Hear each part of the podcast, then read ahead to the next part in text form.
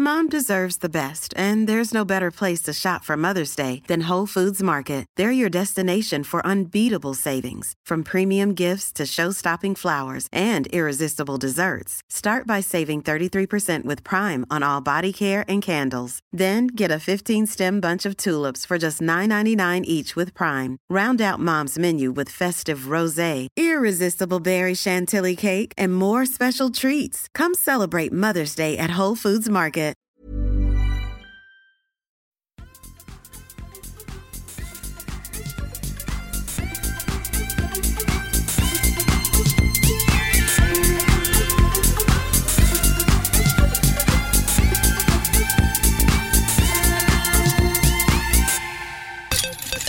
Då hälsar vi hjärtligt välkomna tillbaka till avsnitt 166 av Kedja ut, en podcast om discgolf. Och vi tackar ännu en gång för att just du har rattat in oss den här veckan också.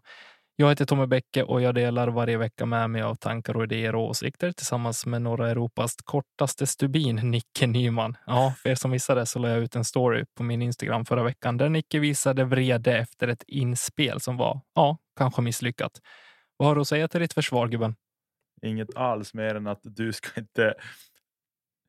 Du ska vara försiktig med sånt där Tommy, för jag vet hur du kan bli gnällig om saker du har sagt i podden som jag ska redigera bort. Så du får tänka dig för unge man. Ja, men jag har inte... Så jag bara sa hur det var. Ja, men den var jag inte nöjd över.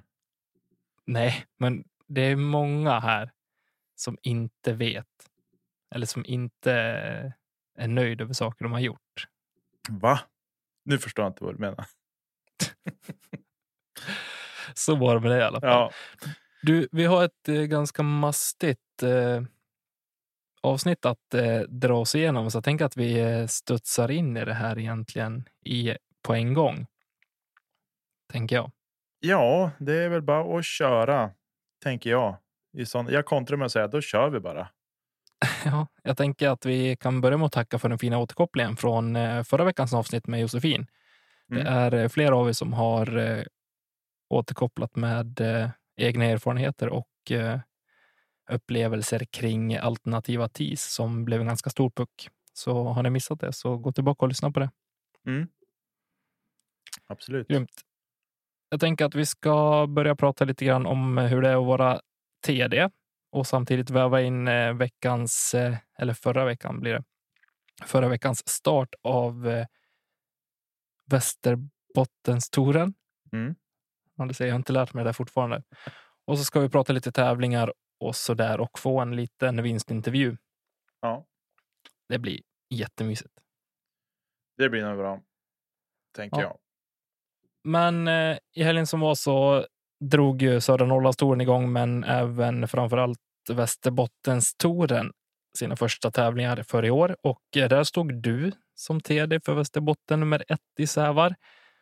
Mm. Ja, och eh, Tobbe Oskarsson vann MPO, Tindra Marklund vann FPO, Kion Ljung vann MP40. Han har gått och blivit gammal nu. Mm. Och eh, Magnus Sjöström tog hem MP50. Mm. Och i övriga klasser så vann eh, Ronny Åström Intermediate. Och vem tog hem särspelet i rec, Nicke? Tor Bergström. Tor Bergström. Jajamän. Stort grattis. Timo Syviakurre och Umeås framtidshopp Walter Varg lyckades ta hem segern i juniorklassen Mm. efter en fin sista runda. Timo vann i Novis ska vi säga. Timo vann i Novis, precis. Mm. Men den stora frågan är hur känns det för dig så här efter ett två dagars event? Fantastiskt. Eh, jag tittar tillbaks på det här bara med glädje. Faktiskt. Det har, det har flyttat på jättebra. Det har, folk har varit glada och nöjda. Eh, det har inte varit några större, större grejer så där som har dykt upp. Det var en liten, liten miss i kaddeboken som eh, jag fick gå ut med info efter eh, första rundan. En, ett förtydligande kring en OB. Och så på ett hål. Men det var väl egentligen den enda hiccupen så som jag har som jag har eh, stött på under helgen som jag tycker är någonting och liksom sådär. Men det landar ju på mig som TD. Det är jag som har missat en grej och det har inte varit nog tydligt så. Så jag fick skicka ut ett meddelande i King, vilket är kanske det bästa som har hänt. eh, för mig som TD tycker jag med, med den funktionen i King. Eh, så att jag skickade ut i lunchpausen skickade ut ett förtydligande kring den OB-förklaringen som fanns i kaddeboken. Eh, och så. Så att, eh, och det landar ju på mig. Det, jag hade lite för dålig koll helt enkelt eh, på, det, på den grejen. Och det var en OB-linje som det stod att det var OB i bäcken på hål 18. Eh, och för mig är inte bäcken ens för överhuvudtaget i spel. mm. Det är så mycket träd i vägen. Du vet ju själv hur det ser ut på hål 18. Så här, va? Det är ju, den är ju en jag funderar på, ens, jag Vart är den ens? nu på vilken bäck det är. Ja, precis. Och den är typ 10-12 meter från korgen kanske. Ish. Jag vet inte exakt hur långt den är från korgen. I riktning mot fotbollsplanerna. Det är samma dike som passerar hål 2 också. Eh, ja. Och så. Eh, och där står att det var OB i diket. Men på kartan så är det ritat OB-linje där vid diket. Och då var det frågan, då var det folk som var frågan kring, är det OB även på andra sidan diket? Eh, och så, så det var liksom en liten tvetydighet där. Så då skickade jag ut ett, en förklaring eller ett förtydligande kring den att det är OB i diket och bortom. Eh, eftersom mm -hmm. att vi har ju som ingen del av banan som är, korgen står inte på den sidan, diket till exempel. Så, så det... Jag hade ju tagit gruppbeslut eller försökt vara med, få med gruppen där och tagit ett gruppbeslut och eh, i så fall bara spelat bäcken som OB eftersom att det är det som står på. Ja, men vad är, vad är, det, vad är det som styr texten eller bilden? Hur, var det på bilden då är det även bortom? Då är det, då är det en OB-linje. Okej, okay, så det blir som en tvetydighet och då kan jag tycka så här att blir det tvetydigt så kanske benefit of the player de spelade, någon grupp hade spelat en provisional men ändå fått samma resultat. Mm. Eh, sådär. Men det är en sån grej som, som jag ska ha koll på, så det tar jag på mig helt och hållet. Det är för dåligt av mig. Eh, men eh, det var men det stod inga... ingenting om mobillinjer då? Vad säger du? Det stod ingenting om de mobillinjer som fanns. Att liksom, Nej. Finns det en mobillinje så är det ju det som gäller kanske ja, om den är ritad på kartan så kan man ju tycka och så. Men det är det här som är att man ska vara, det blir, man ska ju vara, jag ska ju kolla upp det innan. Ja. Jag litade på Caddy-boken fullt ut eh, och så, men det landade på mig att jag inte hade koll på det där. Så, och det är väl ingenting man behöver liksom göra en biggie utav, utan så. Men det är bara, kan jag tänka att när man gör Caddy-böcker, att man måste tänka sig för text och bild, funkar de ihop? Eller blir det tvetydigt det man har skrivit kontra det som är på bild? Mm. Så att säga. Eh, Men det är så... jättebra att den funktionen finns i Xing där du faktiskt kan gå in och förklara också. Och just i ett sånt läge där du kanske har en bild som säger en sak och en text som förklarar en sak. Där blir det ju lätt otydligheter också. Jag hade fått för mig att det inte fanns någon bild utan att det bara var texten som gällde utifrån det jag visste från de som har mm. spelat tävlingen. Då. Men då, då blir det lite annat såklart. Om ja. det säger två olika saker och sen kanske det inte finns någon OB-linje på banan heller. Då, då kan det ju för, behövas ett, eh, ett förtydligande från TD såklart. Ja, precis. Och, men som sagt, eh, den där, eh, ja, tydligen var den i spel. Eh, så, så att, men det landar på mig. Det är såklart, det får jag ta ansvar för. Eh, men det var inte så att tävlingen avgjordes på grund av det där i någon klass. Så, utan eh, ja, inte segraren i alla fall kanske. Det kanske någon placering upp eller ner så, men eh, ja, så det var väl det.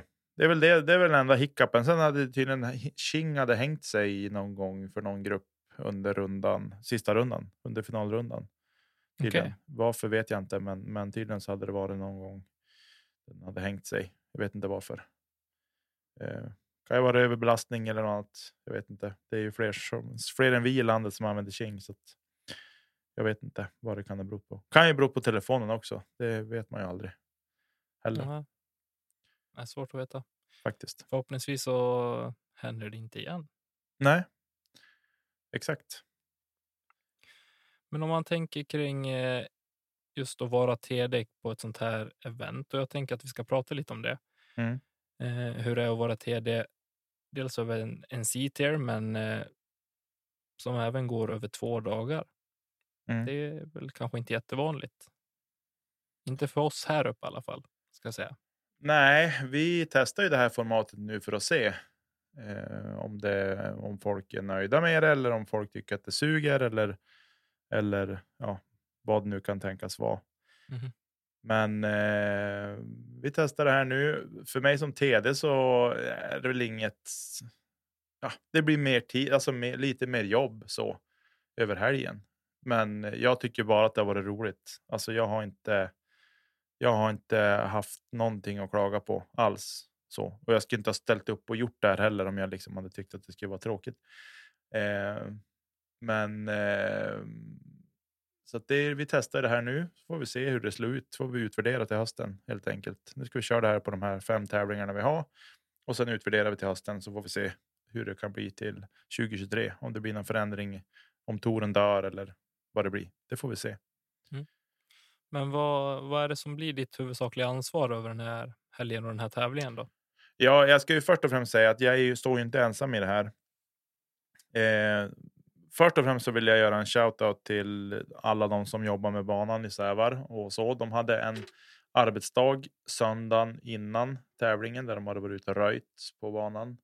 Eh, och då röjt, inte slyröjt utan kanske ja, men, städat banan lite och kastat undan gamla döda grenar och lite sådana saker. Så att, mm, jag såg inte allt på banan, men ganska mycket. Jag gick banan på fredag kväll eh, och då var den liksom kändes den som ja, men nu är den tävlingsredo. Så. Eh, så att, eh, men så de ska ha en, en stor cred att de har steppat upp och liksom eh, klivit fram. Sen, vi är ju en grupp på, på fyra personer som, som driver eh, själva touren och som har tagit ja, fram formatet och klassindelningar och, och sådana saker. Så att jag står ju absolut inte själv i det här och jag ska inte säga, jag ska säga så här, Hampus Råde är nog den som kanske som ska lyftas mest just nu. Det är jag, Hampus Råde, David Wiklund och Robin Marxén som är de fyra personerna i den här gruppen eh, som har tagit fram formatet och tävlingsplatser och sådana saker. Eh, men Hampus har gjort ett stort jobb i bakgrunden med lite administrativt och så eh, kring priser och prispengar och allt det. Eh, och sen, ja, men vi har som olika, vi tar olika punkter. Eh, så där. Vi stöter och blöter lite frågor med varandra och, och så där och jag tycker att det funkar bra. Jättebra. Eh, det jag tycker som man ska tänka på det är att man ska inte göra sånt här helt och hållet själv. Nu, Erik Mellgren gör ju ett jättejobb och har gjort ett jättejobb så eh, med sitt och jag är djupt imponerad för jag tycker att det är grymt skönt att vara en, en grupp som, som driver det här framåt och att man inte står själv i alla frågor. Eh, men mitt ansvar, jag, jag la upp tävling, jag la upp hela touren i King. Det är väl det som var mitt stora ansvar. Sådär, så. Och sen var TD här i Sävar. Eh, så, men jag kommer inte liksom bara nu att släppa allt och backa tillbaka. Jag kommer vara aktiv fortfarande i kring de andra tävlingarna också och hjälpa till och stötta där det behövs och så. Men jag har ju tänkt försöka tävla nu de andra tävlingarna också. Var det ett aktivt val att inte tävla samtidigt som du var TD? Ja. Det var det. Gött. Hur, eh, hur ser du på det så här rent generellt? Eh, om man ska vara TD, speciellt kanske över två dagar där det blir lite mer, fler rundor, det är mer att göra eh, och mer som kan hända såklart då, eftersom att det, tävlingen sträcker sig över en längre tid. Men eh, är det någonting du hade önskat att du kanske kunde tävla på samma tävling eller hur, hur ser du på det? Nej. Nej, alltså jag hade ju en liten tävling här i Sävar i fjol med, jag vet inte hur många deltagare vi var. Där jag körde min Bullseye Challenge Ja, och det. då spelade jag ju själv också. Eh, men det var, alltså, det var lite stressande. Mm. Så, så fort det vibrerade, för jag var tvungen liksom vara standby på att svara på frågor eller vad som helst. Man vet ju inte liksom vad det kan komma för någonting. Eh, så, så, så fort det vibrerade till i fickan då tänkte man ja, då ska man fokusera på det. Men det kunde bara vara att mamma skickade ett sms, men, men eh, vad som helst. Men du förstår att då liksom man tappar fokus från, man kliver som ur tävlingsbubblan lite så ska man fokusera på något annat. Och det kom någon fråga sådär. Eh, så det är väl det som jag känner liksom är eh, det var en av anledningarna jag kände att för när jag åkte hem på lunchen, då ska jag hem och så ska jag hinna käka och så ska jag, ja just det, jag ska göra, starta igång, liksom förbereda allting för runda två. Gruppindelningar och alla de grejerna då. Mm. Eh, en av King är ett fantastiskt verktyg och det gick ju ganska fort och smidigt. Det tog kanske en kvart att administrera till det inför runda två och en kvart är ju kanske ingen tid, men det är då liksom det ska göras och eh, ja, hade det strulat till exempel då vet man ju inte hur, hur det hade gått med allting. Eh, så att ja, det var ett aktivt val nu att inte ställa upp och tävla. Faktiskt. Jag hade kanske velat tävla, men, men eh, jag valde att inte göra det och det är ingenting jag ångrar heller. Jag har haft det fantastiskt roligt ändå faktiskt. Du såg ut att ha det riktigt glassigt på de bilderna jag fick i alla fall. Du, första dagen så satt jag och huttrade i, i min stol. Ja, jag satt ju still. Hela första rundan satt jag ju still vid hål 1. Eh, hela, hela första rundan i, i princip. Mm. Eh, så. Bara för att liksom, ja, men, träffa alla grupper, fråga går det bra, liksom, tuffare på och så där. När man bara sitter helt stilla och så blåser det, för det blåste ganska mycket, då blir man fort kall. Eh, än om vi hade liksom varmt och skönt. Det var väl en 17-18 grader, men det blåste det... väldigt mycket. Och ja, det var inga varma vindar. Eh, så det var lite huttrigt så, men, men jag ska inte klaga, absolut inte. Det kunde ha regnat också. Så att, eh, på så vis hade vi det fantastiskt. Jag tänker vi ska snart tuffa vidare, men jag skulle vilja veta lite grann hur ser förberedelserna ut? Du tog upp lite grann från Bullseye Challenge som du hade i fjol som var en endagars tävling, lite mindre tävling. Mm. Eh, hur skiljer sig förberedelserna från en sån typ av tävling och till eh, en city över två dagar? Eh, ja, det är väl lite mer administrativt jobb och sen var det ju mycket mer folk nu också, så det var vart det liksom lite mer hålla koll på det. Eh, och så. Men förberedelserna har det varit liksom, det har varit mycket diskussion. Vi har haft lite diskussioner, vi som, vi som i den här Tor-gruppen kring saker och ting, men ingenting som vi har löst eh, ganska snabbt och smidigt så någon utfört det. Liksom. Mm. Eh, Hampus la upp all, alla tävlingar, eller vi liksom, jag la upp allting på PDGA till exempel, så att alla tävlingar finns där för inrapporteringen. Eh, och så. så det är väl lite sådana saker. Som, det jag tycker att man, och det gäller alla, det spelar ingen roll vilken typ av tävling det är, men jag tycker att man ska förbereda sig med att liksom lägga upp tävlingen i PDGA, se till att det är gjort. Man ska se till att man har inloggning till PDGA. Hur gör man inrapportering till PDGA? Alltså sådana saker. Eh, det bör man förbereda sig på när man ska arrangera en tävling. Eh, och det finns ju hjälp och stöttning att få, men ja. Eh, så. Men det är väl, det är väl liksom sådana saker. Sen måste man se till att man har en bana. Alltså vi, ja, det är otroligt, jag har ju haft otroligt tacksamt reservare. Som dels det finns mm, aktiva som jobbar med banan Eh, men sen att banan har ju inte så mycket, det är liksom inga vattenhinder i princip. Jag har den här bäcken. Eh, och sen är det elspåret som är OB. Det är liksom generellt elspåret OB. Eh, mm. Men sen i övrigt är det som inga grejer. Det är inga mandon, det är inga sådana saker. Så att banan har man som kunnat släppa. Det var något tid som lutade lite grann som jag, som jag upptäckte tidigare under veckan, liksom, men som vart riktat sådär inför tävlingen. Så det var ju kanon. Det var inga konstigheter så. Eh. Gött. Jag tänker sista, liksom, vad kanske blir mer från spelarhåll, men vad, vad finns det förväntningar?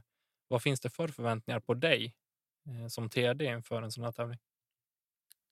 Det vet jag inte, men jag tänker väl att det ska liksom funka bra eh, med eh, med Qing och sådana saker. Att det ska funka. Vi har ju fått en del frågor. De som har av, avanmält sig om återbetalningar och sådana saker har det ju varit mm. en del. Men det har man ju försökt svara på så snabbt som möjligt. Det har kommit en del mejl och, och, och sådär. Men eh, annars i övrigt så det, får, det är nästan en fråga man får ställa till spelarna. Men jag har inte. Jag hoppas jag. Jag har bett om att få feedback också, men eh, det har ju liksom inte. Inte kommit något. Än i alla fall. tips. Skicka ut ett sånt Google formulär och hoppas på det bästa. Det tänker jag att det kan man nog kanske göra totalt över efter hela säsongen. Tänker jag för, för att sammanfatta alltihopa. Ja, det eller så. Annars är det trevligt kanske att få färsk feedback också utifrån tankarna som och tankar och åsikter som finns och som kommer direkt efter tävling när du faktiskt har det färskt i minnet som spelare också. Ja, är det, det är ju sant. Det är ju sant. Bara ett tips sådär. Ja, Nej, det kanske jag gör. Bort. Skickar ni ut efter sista deltävlingen, då kommer folk ha med sig vad som det som har hänt på, i Lycksele och på Penglund liksom, och helt kanske glömt bort det som var på Wasteland eller Sävar. Ja, precis. Jo, nej, men det är sant. Det kanske jag gör. Det kanske har kommit ut redan innan, det här, innan ni hör det här. Man vet aldrig.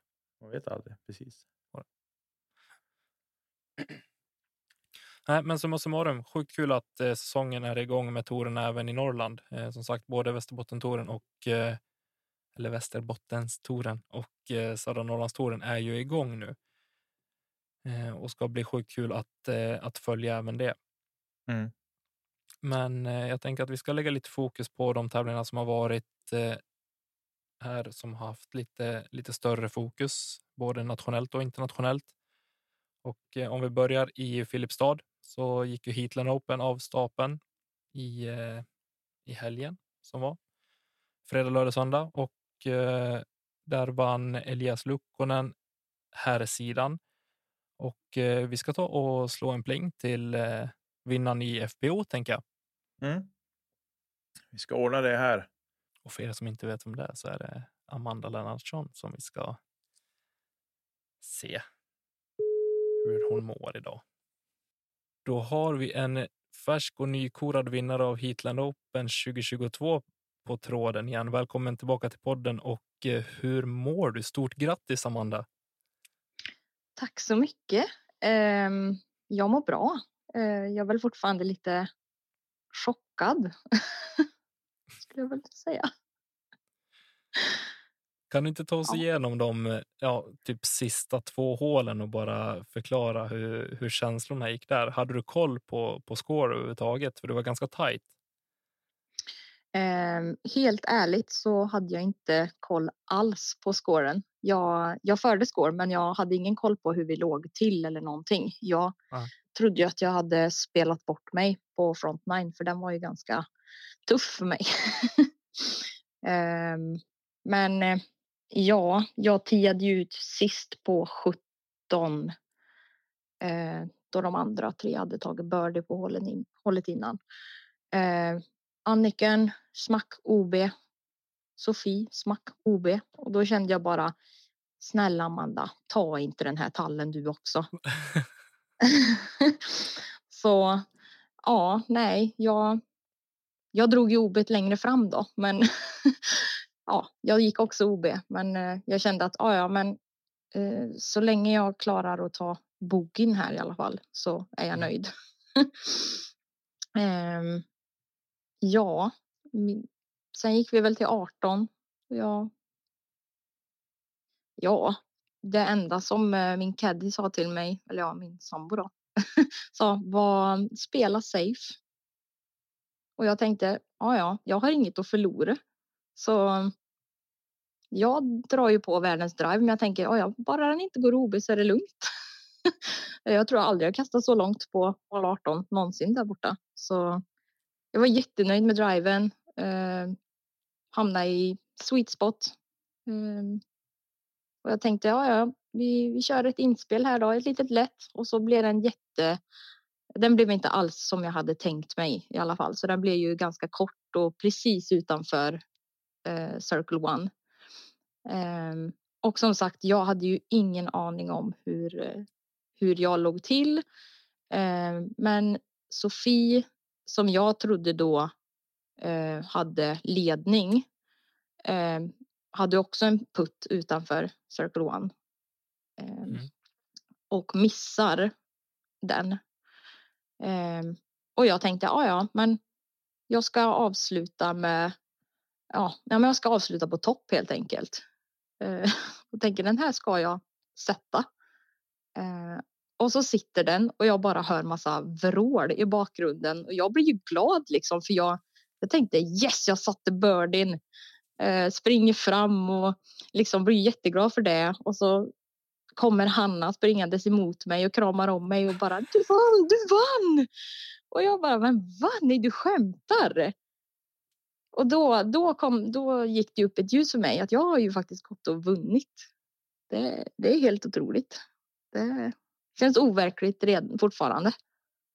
Det är helt underbart att du liksom är helt borta vad gäller score och liksom så här, spelar lite smygaggressivt ändå och eh, så tar du hem hela klabbet. Det blir samma reaktion som Eagle hade på någon tävling i fjol.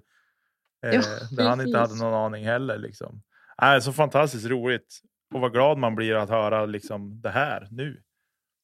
Ja, nej men alltså helt ärligt, jag tänkte ju efter Frontline att nej men jag är helt borträknad. Jag spelar för en tredje placering liksom. Eh, och jag tänkte ju bara på mitt eget spel under hela rundan så jag tänkte ju inte alls på när det faktiskt gick lite sämre för de andra. Eh, det, det tänkte jag inte alls på så, så att, att jag inte var borträknad det fanns ju liksom inte. Eller ja, jag trodde ju att jag var det, men tydligen inte. Nej, Kul. du, men Nej. häftigt att avgöra på sista hålet också. Även om du är omedveten om det så eh, är det coolt att få höra den, eh, den historien som du berättar och samtidigt kolla på skårkorten där, eh, där ni ligger lika inför, inför, sjut- inför sista hålet. Och, Ja, ja. och du faktiskt avgör där. Ja, det, var, det är helt otroligt. Alltså, jag, hade jag vetat om att eh, eh, om, jag, om jag sätter den här så hade jag vunnit, då hade jag definitivt inte satt den. då hade vi gått i särspel. så jag tror bara det var bra att jag inte visste det. Det är otroligt häftigt. Och jag bytte några ord med din, eh, din sambo igår kväll också. Han, eh, han var också väldigt nöjd. Ja, ja, men det var han. Eh, han var lite frågvis också här. Vad, Alltså, vad, ja, men vad, vad fem plus caddy eller vad, vad Ja. betyder det? Ja. nej, en klassisk coachseger, men i discgolf. Ja, okej. ville. Ja. ja, då var det som vi trodde då. Definitivt. Eh, Man måste, man måste höja alla. Absolut, och jag hade verkligen inte klarat det. Jag hade inte klarat det utan, utan honom och inte utan eh, Thomas som gick med mig på första rundan. Det Mm. är helt klart eh, värt att ha Keddy med sig. Man bara kunna, kunna byta några ord och, liksom, och lufta tankar och få tips och tricks är ju fantastiskt. Ja, gud ja. Det, det är A och O känner jag efter den här tävlingen. Det behövdes verkligen. Jag är inte van att ha caddy annars så att eh, eh, ja, nej men det, det kan jag gärna ta fler gånger. Det här var också en, eh, en väldigt stor tävling. Det är en eh, Eurotour eh, som du gick och vann. Är det, hur, hur känns det idag liksom efter, efter igår? När vi spelar in det här, det är måndag idag. Ehm, men liksom, hur går tankarna? Alltså jag, jag har nog inte fattat än vad jag faktiskt har gjort. Ehm, det börjar väl sjunka in lite men, eh, men jag gick ju liksom in med inställningen på den här tävlingen att ah, men jag ska gå några chill runder med ett par kompisar och bara ha kul. Ja, men, jag hade verkligen inga förväntningar på mig själv. Jag hade absolut inte på kartan att jag skulle liksom ta en pallplats. För det var många duktiga tjejer med. Så att det, nej, jag hade nog räknat bort mig själv från början skulle jag vilja säga. Det ska man aldrig göra.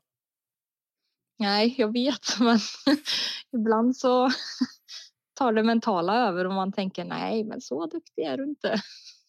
Du kan inte hoppas på för mycket. Men eh, sista rundan är din bästa runda. Nej, du gick, eh, andra rundan var bra också. Mm, andra rundan eh, var nog min bästa runda skulle jag nog Mm. vilja säga. Um, där, visst, jag började kämpigt på första två hålen, men eh, sen så ryckte jag ju upp mig och spelade stabilt resten av rundan. Ehm, och sista rundan så det var nog min, i alla fall frontline var min sämsta på tredje rundan. Resultatmässigt var det ja, ett kast sämre än första rundan. Men Ja, precis. Ehm, men eh, backnine var ju betydligt bättre än, Mm. än på någon av de andra tror jag. Rundorna. Och den sista alltså, tänker jag. ja, gud ja. Det var väl tre under sista rundan på, på back nine.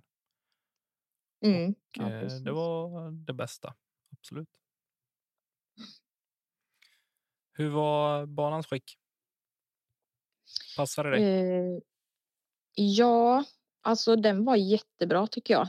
Eh, Karlhyttan har jag spelat eh, förut, men på om en ordinarie slinga eller vad man ska säga. Och nu är den ju Mm. mer än halva banan är ju omgjord. Eh, så att jag skulle inte vilja säga att jag har haft någon fördel riktigt av att jag har spelat den förut. Eh, mer än bara något, några få hål. Eh, men jag tycker om banan och, och jag tycker om det nya som de har gjort också. Det, ja, nej, men det är en bana som passar mig. Faktiskt. Roligt att höra att vi får lite svenska framgångar ute på, på den här nivån också av tävling.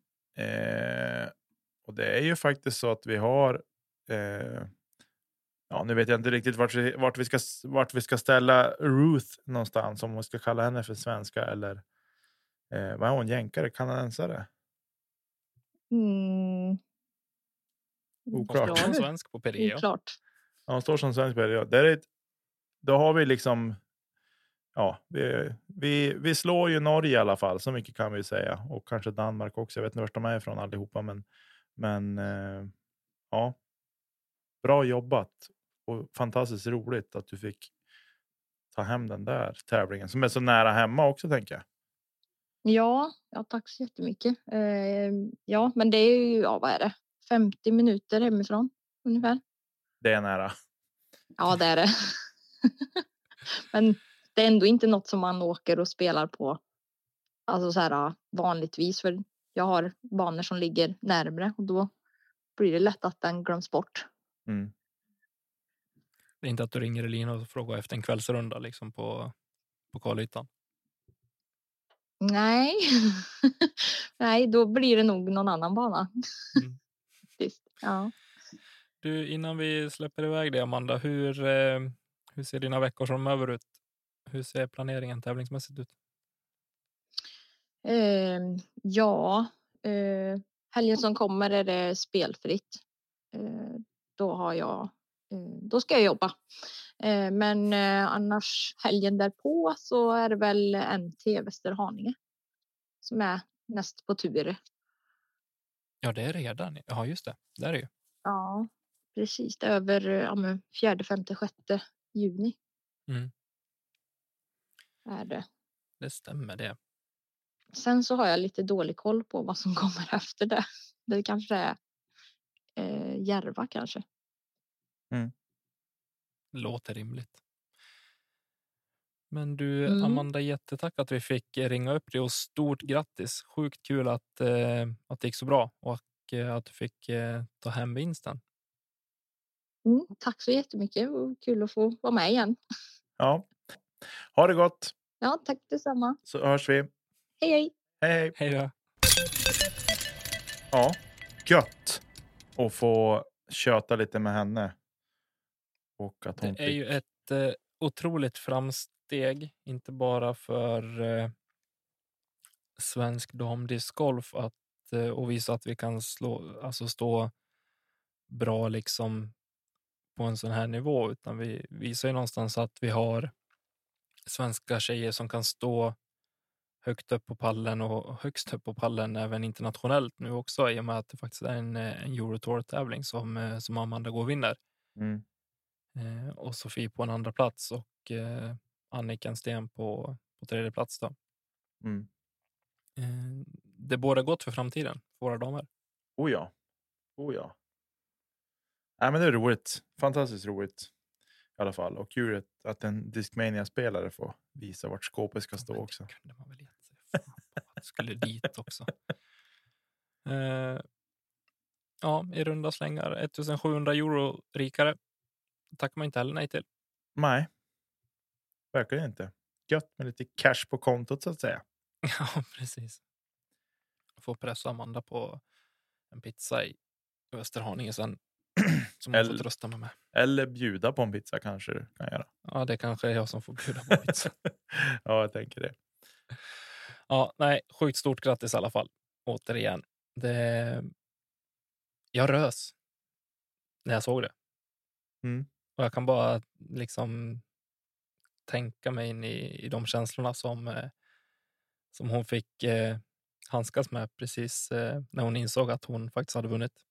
Ja. Men eh, vi lämnar Heatland Open och hoppar direkt in i eh, Disc Golf Pro Tour OTB Open som eh, avgjordes i natt svensk tid i eh, San Francisco. Va?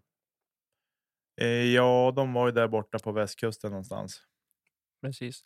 Jag har inte sett jättemycket eh, av tävlingen live. Jag såg lite grann i natt och eh, ja, blev väl föga förvånad och fällde en liten tår i mitt eh, öga i morse när jag vaknade och kollade resultaten. Och men eh, jag tänker att eh, Nicke, det här är din.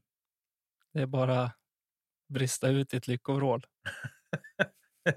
ja, alltså så här. Jag hade tänkt så här att jag måste se i natt. För jag skickade ut med en skärmdum till dig när jag såg att han var på leadcard.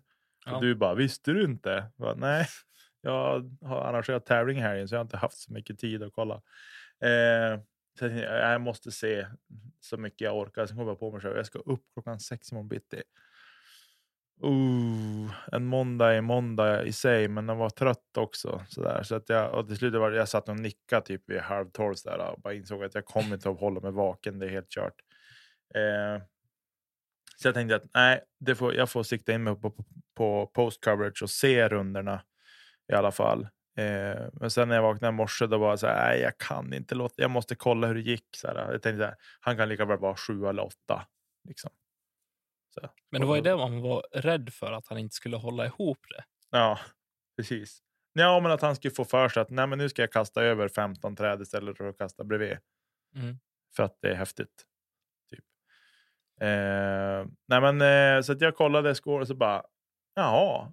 Jag bara, är, det, verk- är jag på rätt runda? Är, jag, är, är det liksom totalscoren jag tittar på? Ja, han vann alltihopa. Och för er som inte vet vem vi pratar om så är det Simon Lisotte som gick och vann sin första Ja, Elite Series efter eh, fyra år. Vi kanske ska säga det också. Precis, Det är Lisotte vi pratar om såklart. Eh, nej men, så att det är ju fantastiskt roligt att han fick vinna igen efter som sagt, precis som du säger, fyra år. Sist han vann en sån här stor tävling var Memorial 2018. 2018. Eh, och det var då han och Eagle började säsongen så otroligt starkt. Eh, och de tog, Eagle tog först, sen tog Simon, så tog Eagle igen och så trodde man att det skulle, för de, Simon var ju med där uppe i toppen. Eh, så.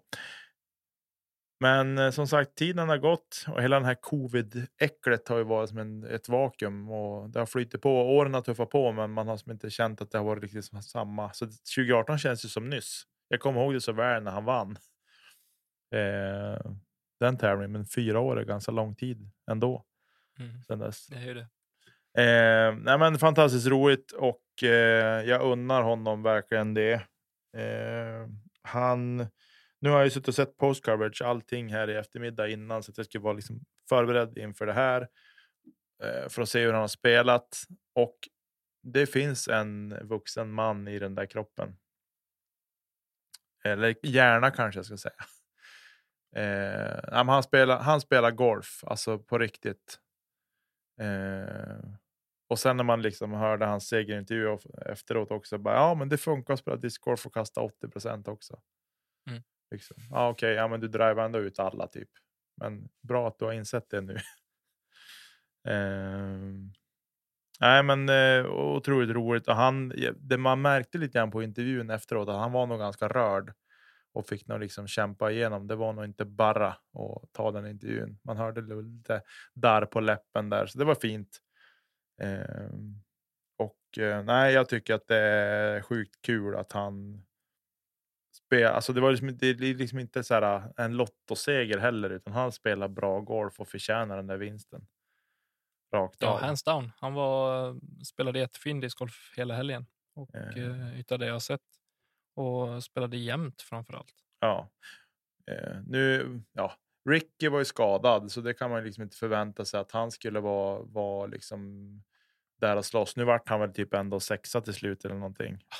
Alltså är man där i startfältet, han blev delad femma, då tycker jag inte man kan skylla på att han är skadad och att han borde ha vunnit om han var frisk. Nej, Alltså det nej, det säger jag inte. Det säger jag absolut inte, men, men det är en faktor att väga in. Men Paul är ju frisk och Mm. eh, han spelar inte alls bra. Nej. Eh, sådär, så att eh, nej, jag är sjukt glad och tycker att det är sjukt häftigt eh, att han visar att han håller fortfarande och att han förhoppningsvis ska han kunna bygga vidare på det här nu. Definitivt. Eh, han puttar är fantastiskt bra. Eh, det är ju en, eh, var ju ett väder och en, en bana som passade hans spel definitivt 100 procent. Mm. Men att se honom putta så bra som han gjorde i helgen var en fröjd att se för ögat. Mm. Verkligen. Men eh, 100 procent fairway hits och 100 procent C1X i sista rundan, det ja. Det är bara hatten av. Ja, verkligen. Det går inte att säga annat. Han vinner eh, den här tävlingen för Calvin Heimberg och eh, Aaron Gossage. Mm. Faktiskt, som också gjorde en eh, väldigt stabil tävling. Eh, Mm. Kul att se honom eh, i toppen. En ruggig forehand hade han. Ja, verkligen. Han är väl gammal baseballpitcher, va? Ja, något sånt. Något sånt. Eh, på damsidan så vinner Paige Pierce för Natalie Ryan och eh, Juliana Korver tittar upp på bronspengen Se där. på det. Och eh, ja, Paige gjorde det de skulle. Det var i mina ögon förväntat att hon skulle vara där och vinna. Eh, det som var mer kanske förvånande var att eh, Katrin Allen var så pass eh, långt efter. Mm. Jag sitter och scrollar och försöker hitta hennes namn. Jag vet inte fasen hon Ja, hon var långt ner. Hon var långt efter. Eh, Ja, Men vart är hon då? långt ner. Men Hur långt ner? ja. Väldigt långt ner. Ja, där nionde. Nej, vänta, jag skojar. Det var andra rundan. Hon slutade nia, gjorde hon Ja. på det. Eh, 15 kast efter Page. Mm. Så ja, sådan att se ut. Det vi har att se fram emot i helgen är väl eh, egentligen bara så att vi ska. Det är en eh, finsk tävling i Heinola. Disc Pro Tour. Och ja, det är väl det. Ja, det är ju här på hemmaplan har vi ju Master Junior-SM som går Så att starta ja. på Valls Tack. herrgård i Gävle. Fullt startfält. Och eh, ja, men det ska bli kul att se. Ska du ner? Nej, jag ska inte ner. Då får vi väl eh, ragga rapporter på annat håll. Får skicka ner någon eh, korre, Någon korre. Precis. Nej, jag har, jag har lite för mycket projekt som jag har styrt framför mig här hela våren. Det har varit för mycket med annat. Eh, så att jag eh, måste ta tag i saker och ting på hemmaplan den här helgen faktiskt. Lycka till med det. Ja, tack. Jag behöver all pushning jag kan få kan jag säga. Framåt då? Alltså jag tänker så här. Vi har ju pratat väldigt mycket tidigare i den här podden om att eh, man, man borde ta sin träning på allvar och inte bara gå rundor som träning om man vill bli bättre discgolfspelare. Mm. Så jag tänker att det är på tiden att vi delar med oss som lite tips på upplägg och så där som man kan köra som, som träning utöver sina vanliga casual-rundor. Mm. Absolut. Har du något som du kan eh, dela med dig av vad gäller puttning, inspel driving eller eh, typ eh, accuracy, gap hitting och så vidare? Eh, ja, jag tycker ju att inspel och accuracy tycker jag hänger ihop lite grann. Eller egentligen Absolut. alla, alla hänger, men jag tycker de två hänger väl mest ihop. Eh, så puttningen, puttningen är inte min starka sida, ska jag säga. Eh, mer än att man eh, måste, där är det bara nöta, nöta, nöta, nöta, nöta. Och det är det med alla andra grejer också, men där tycker jag puttningen tycker jag primärt är mycket nöta, nöta, nöta och, och, och sätta liksom. För det är det minsta du ska träffa av om man så säger. Korgen är det minsta. Eh, du kan, ja, klart du kan ha luckor som är mindre på banan, men, men de blir oftast mycket plinko på. Mm. Eh, så därför tänker jag att puttningen är ju, du har din, ja, jag vet inte om man kan tänka, ska man tänka typ 40 centimeter? 40 gånger 60 centimeter. Man ska tänka att man ska träffa av. Kanske. Känns 40 rimligt. någonstans där. Eh, och det är väl det som jag tycker att där är det bara nöta och nöta och nöta och nöta och nöta och nöta. Och även nöta in olika ställ, sätt att stå på. Inte bara stå staggered om man gillar det. Eh, vilket jag gör. Jag puttar ofta så, men jag puttar ibland även straddle. Straddle har jag tränat in också för att ha. Ibland har man ett träd i vägen eller att man måste komma ut åt sidan. Så det är väldigt nyttigt att träna på det också. Jag bytte ju puttstil ett tag och gick från stagger till straddle. Eh, Mm. straddle är då med fötterna parallellt bredvid varandra. Eh, medans eh, Eh, staggered har du en fot höger eller vänster fram och så den andra snett bakom då. Så att säga. Eh, och det gjorde ju att jag helt plötsligt har två puttstilar som jag trivs med och, och som funkar. Sen är jag lite, jag är lite bättre på staggered såklart eftersom att det är den, min primära. Men eh, straddle finns i alla fall, vilket eh, jag är glad över. Faktiskt. Vad, vad har du att säga kring just puttningen? Nej, men där är väl egentligen, det är väl kanske den del i spelet som har eh, absolut flest verktyg eh, att hitta utifrån för att motivera sig själv och sin träning. Eh, men det jag tänkte egentligen dela med mig av på upplägg liksom kring hur man kan träna puttning, dels off-season, dels in-season också, eller on-season. Och de två, alltså du har ju, ja, men, vad heter de, 360 patt, ja, eh, 360 appar putt. som finns. Ja. Du har ju Julie som är ett fint upplägg och eh, även eh, 360 som är en annan app som räknar poäng på lite olika sätt. Och jag drivs mycket av liksom siffror, poäng, se hur man blir bättre och sådär.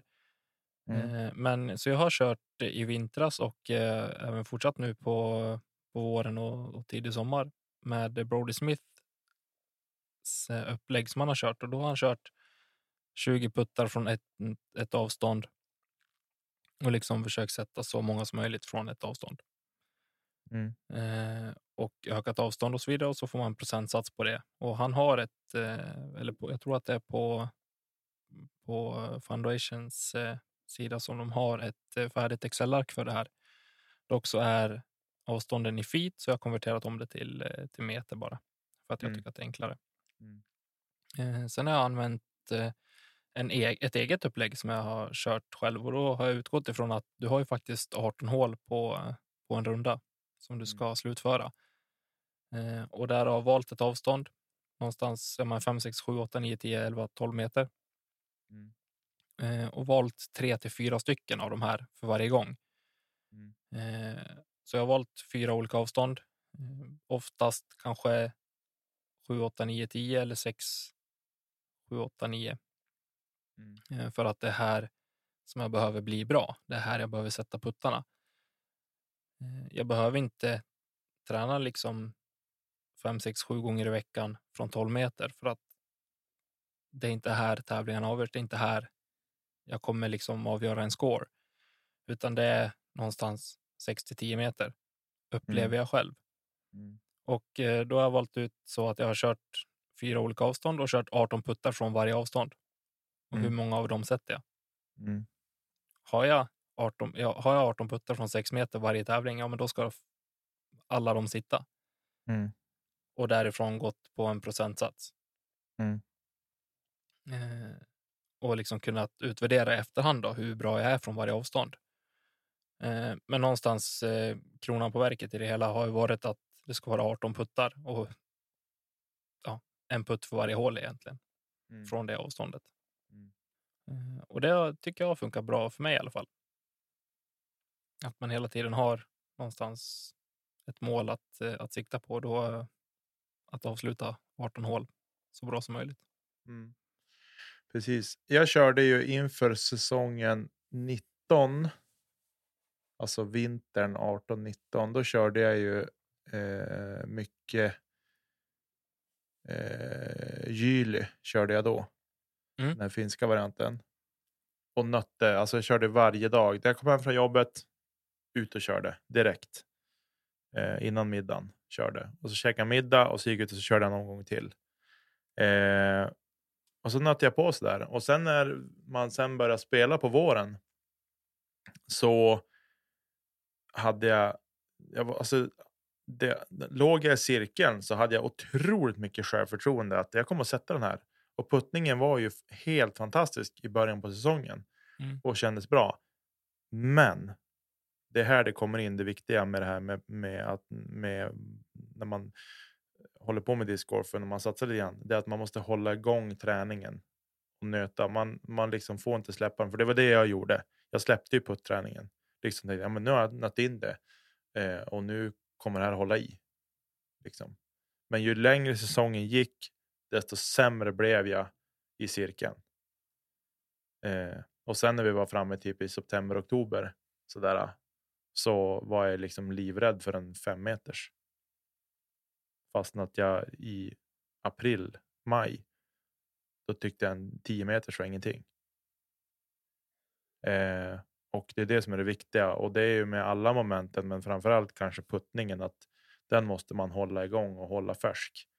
Eh, Det är ju ofta en färskvara upplever jag själv också att det är någonting som, eh, eh, som kanske oftast inte behöver tränas på varje runda. Utan till exempel som på, på träningsrundor och så där så går jag ofta kanske inte och puttar jättemycket på de rundorna utan då är det kastningen och försöka få in rätt typ av kast rätt, och välja rätt disk.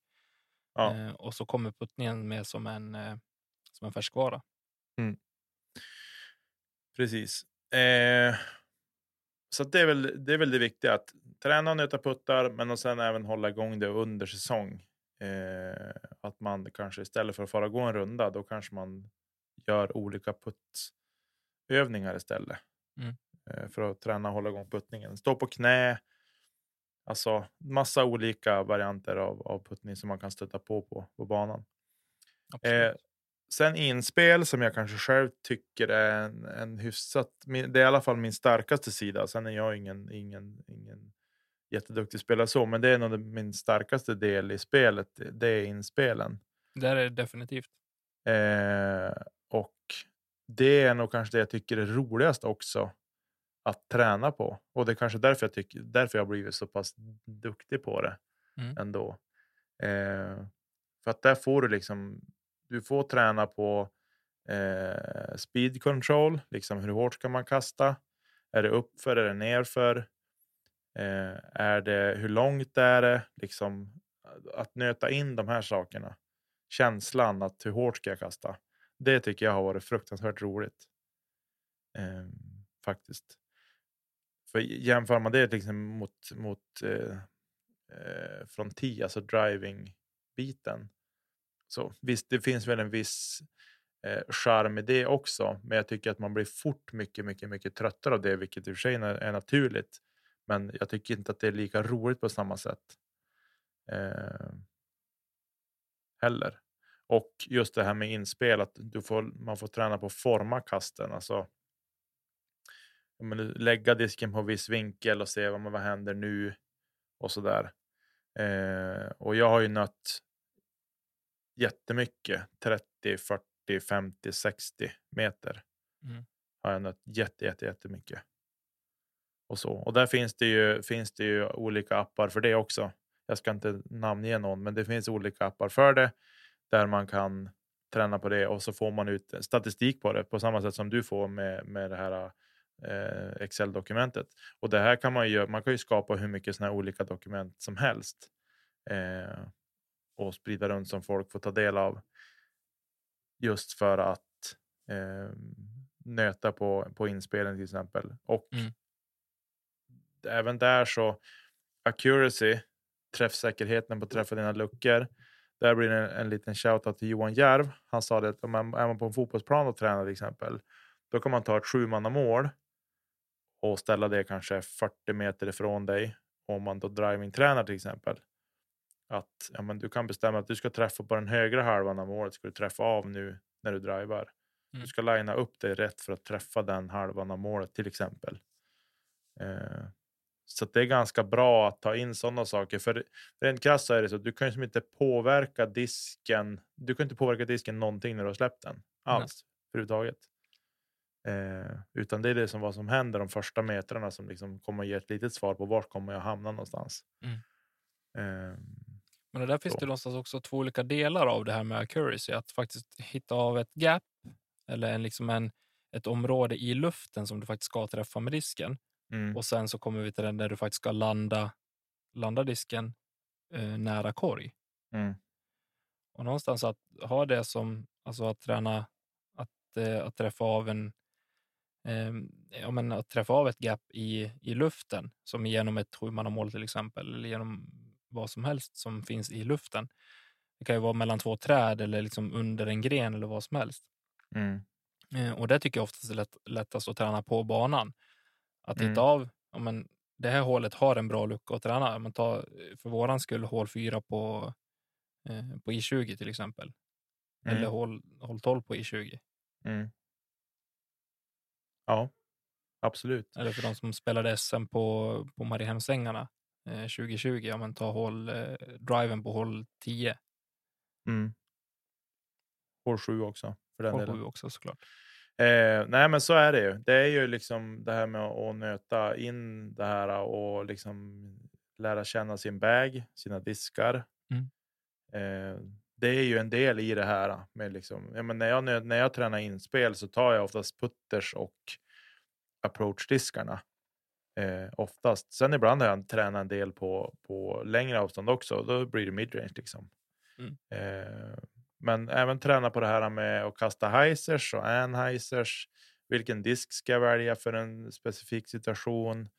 Eh, och det, är det, som, det kan vara lite klurigt att ta sig ut på en bana där, folk, där det är mycket folk som spelar och få till ett vettigt träningspass. Där man Absolut. Där ser ju möjligheterna olika ut för oss allihopa. Ja, eh, vars landet man bor och, och hur, hur mycket tryck det är på banan där man bor och sådana saker.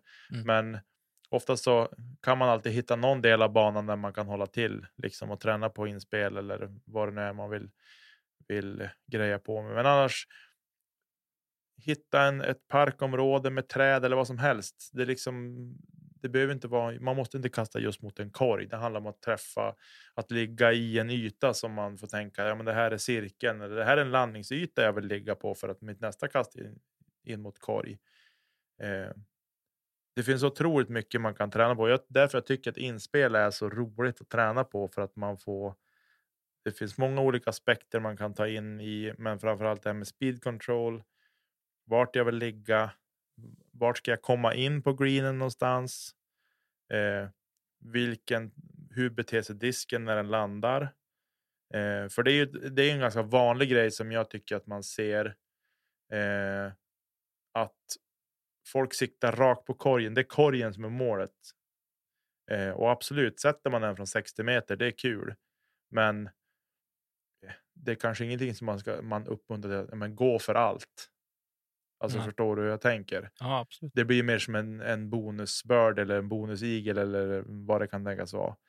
Eh, men att man ska försöka tänka, ja, men om disken börjar fejda och jag har kastat rakt mot korgen, den går bara, åh den här blir jättebra och så börjar disken fejda och så sen kanske den skippar. Eller att, men förstår du? Ofta så blir det att när som en högerhänt backhandkastare kastar in mot korgen och den liksom får sin lilla fade så kan den ju rulla iväg ännu längre från korg Mm. med lite otur. Eh, eller lite otur, det är liksom det, det händer nästan alltid och alla och då är det liksom inte otur på det sättet. Eh, så att sådana saker som man måste tänka på. Ja, men vart vill jag, vars vill jag att disken ska stanna någonstans? Men jag vill att den ska stanna så nära korgen som möjligt. Ska du sikta rakt på korgen då? Nej, det ska jag inte göra. Jag ska sikta 10 meter till höger om korgen. För att jag vet att den kommer. disk. Ja, beroende på vad det är för disk ska sägas. Men liksom att, att eh, är det någonting som kanske är överstabilt, ja, men då, då kommer den att curla sig mot korgen. Eh, så. Men det är sådana saker man lär sig när man tränar inspel också. men hur beter sig diskarna? Jag fick ett tips av dig på det var en, du hade hittat på Instagram och skickade till mig för att jag är alltid gnällt på att jag är jättedålig på inspel. Eh, och jag har kört den några gånger nu och det innebär att du har liksom, ja men, ta tio koner eh, där du sätter upp två stycken rakt fram och så fyra stycken till höger, fyra stycken till vänster i olika, mm. på olika avstånd. Mm. Eh, för att någonstans träna in både backhand, forehand, anheiser och, eh, och heiser och även rakt fram. Då. Mm. Eh, och det är någonstans mellan 100 till 250 feet. Mm. Eh, ja, och så konverterar det till meter. Jag har inte det i huvudet. Jag är skitdålig på att konvertera rakt av sådär. Ja, 30 till ja, 65 meter typ, ish. Ja. Eh, och därifrån någonstans köra en omgång med tio diskar och eh, träffa av olika områden för varje omgång. Mm. Eh, och det tycker jag har hjälpt mig en hel del eh, faktiskt. Bara på att ja, men hitta, okej, okay, hur flyger diskarna och vilken vinkel släpper jag diskarna på? Mm. Eh, så det kan också vara någonting. Vi kan lägga ut den i samband med Instagram. Får vi göra det? Den kanske är patenterad. patenterad? Ja, nej, men vi kan, vi kan göra en egen som vi patenterar. Ja. Som inte är en patentering. Eh, så. Men eh, nej, absolut. Det är ju mycket att, att tänka på. Mycket lära känna sin bag också, för det tror jag det är många som byter diskar och köper nytt och testar och grejer och eh, sådär. Men jag tycker att det är otroligt viktigt att lära känna sin bag också. Mm, absolut. Eh, att man tänker att ja, men jag kastar bort en FD. Jag tar en annan FD och stoppar i och så tänker man att den kommer att bete sig likadant. Så är det ju inte. Eh, hur mycket man än hade hoppats att det var så. Men så är det inte. Eh, driving.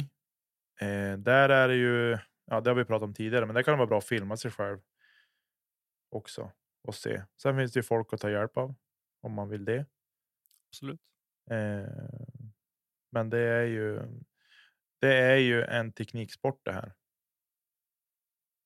Något enormt.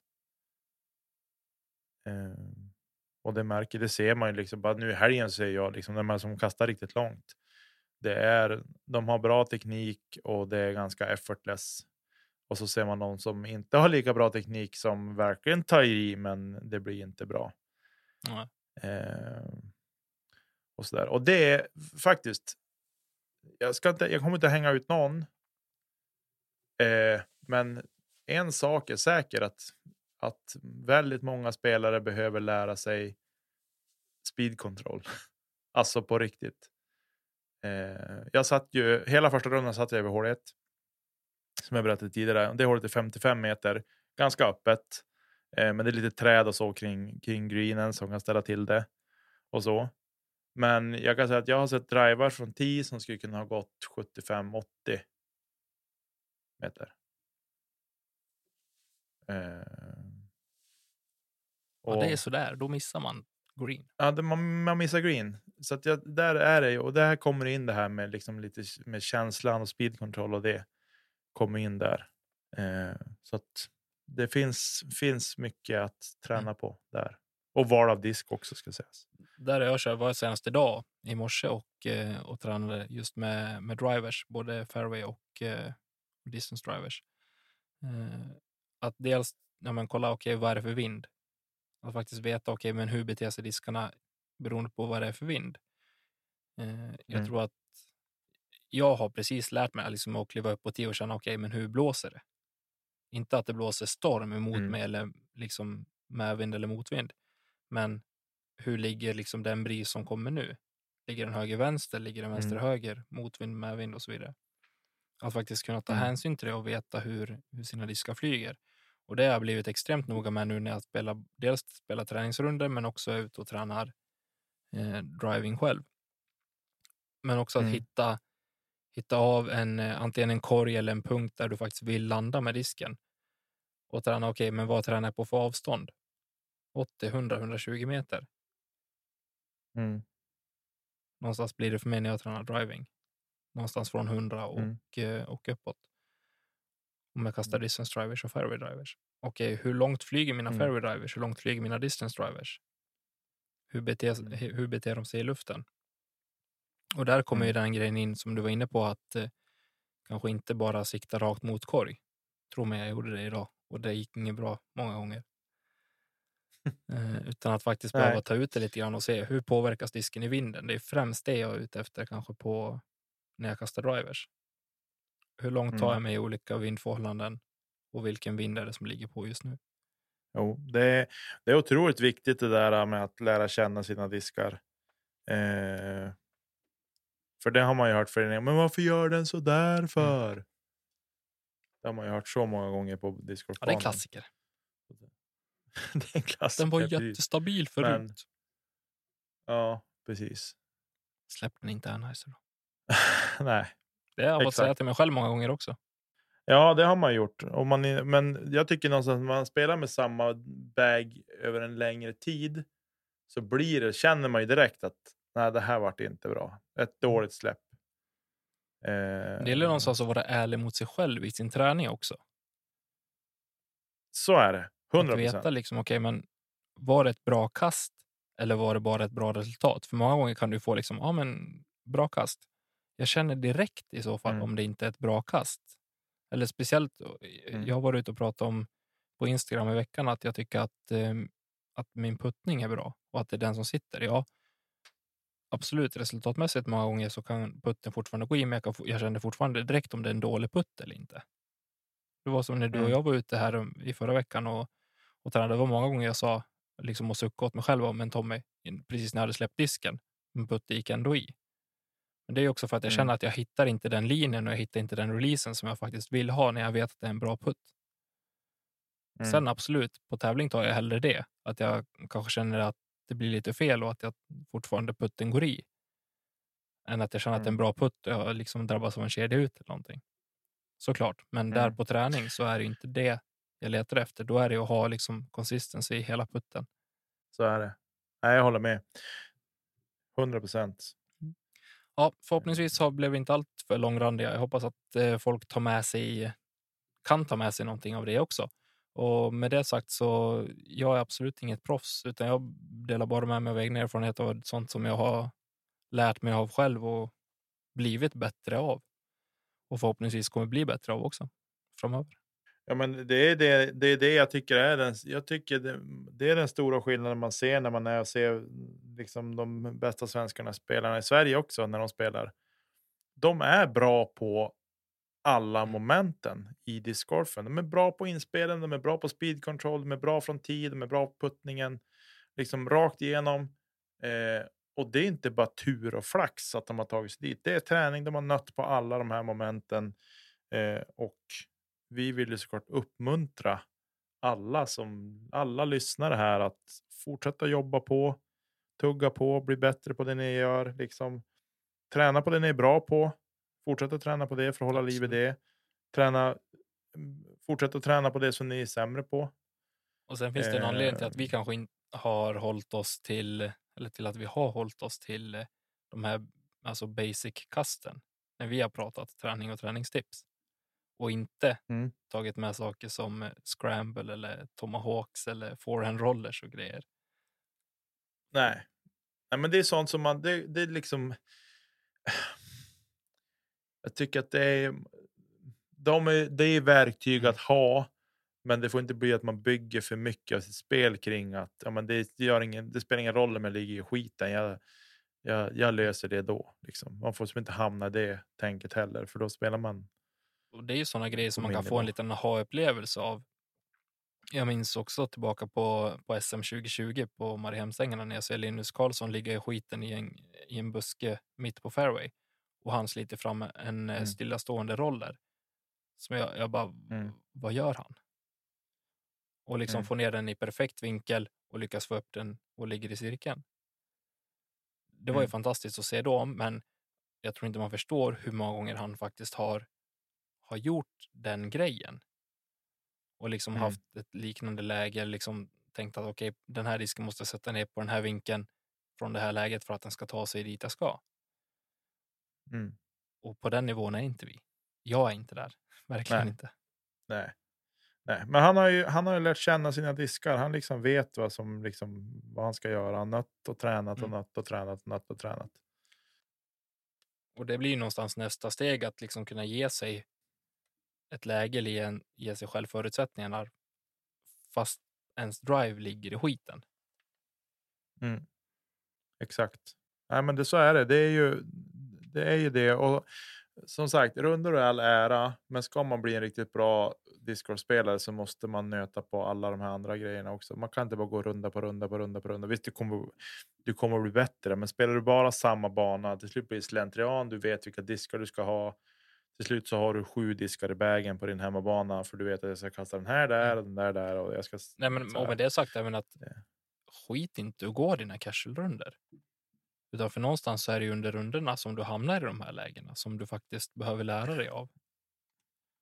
Också. Så det är ju någonstans att hitta den här fina balansen mellan att gå träningsrunder, casual-runder, träna driving, träna inspel och göra den här kanske inom situationstecken lite tråkiga träningen. Mm. Jag vet själv hur jag har känt liksom hela helgen att liksom, ja, men jag, jag borde gå och ställa mig och kasta. Det gjorde jag i morse istället. För igår var det mycket roligare att spela pargolf. Mm. Så ja. Men eh, någonstans hitta självdisciplinen och eh, jag tror att blandningen av det är absolut bäst för att eh, nå framgång. Mm.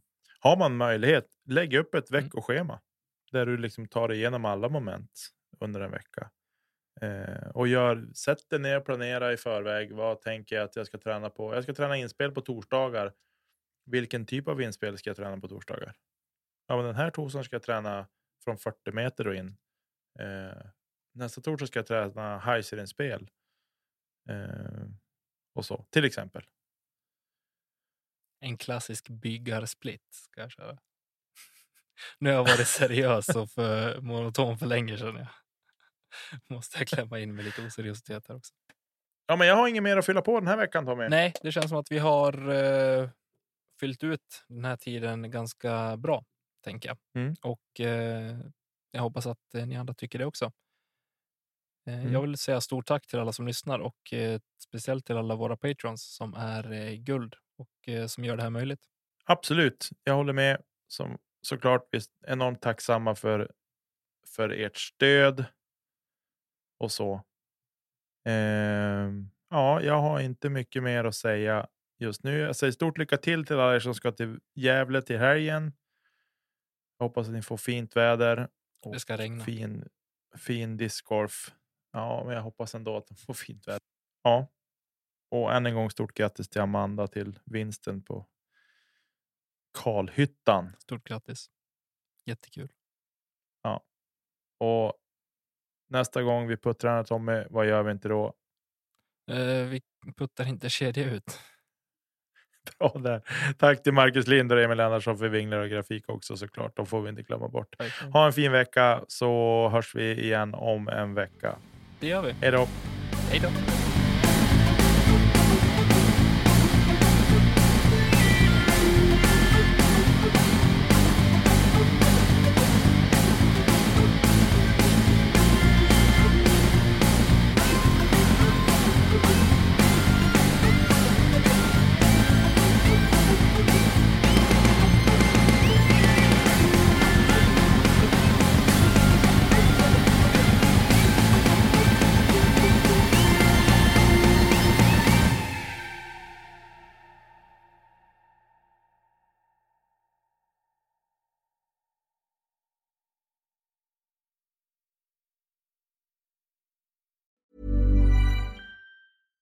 Mom deserves the best, and there's no better place to shop for Mother's Day than Whole Foods Market. They're your destination for unbeatable savings, from premium gifts to show-stopping flowers and irresistible desserts. Start by saving 33% with Prime on all body care and candles. Then get a 15-stem bunch of tulips for just $9.99 each with Prime. Round out Mom's menu with festive rosé, irresistible berry chantilly cake, and more special treats. Come celebrate Mother's Day at Whole Foods Market.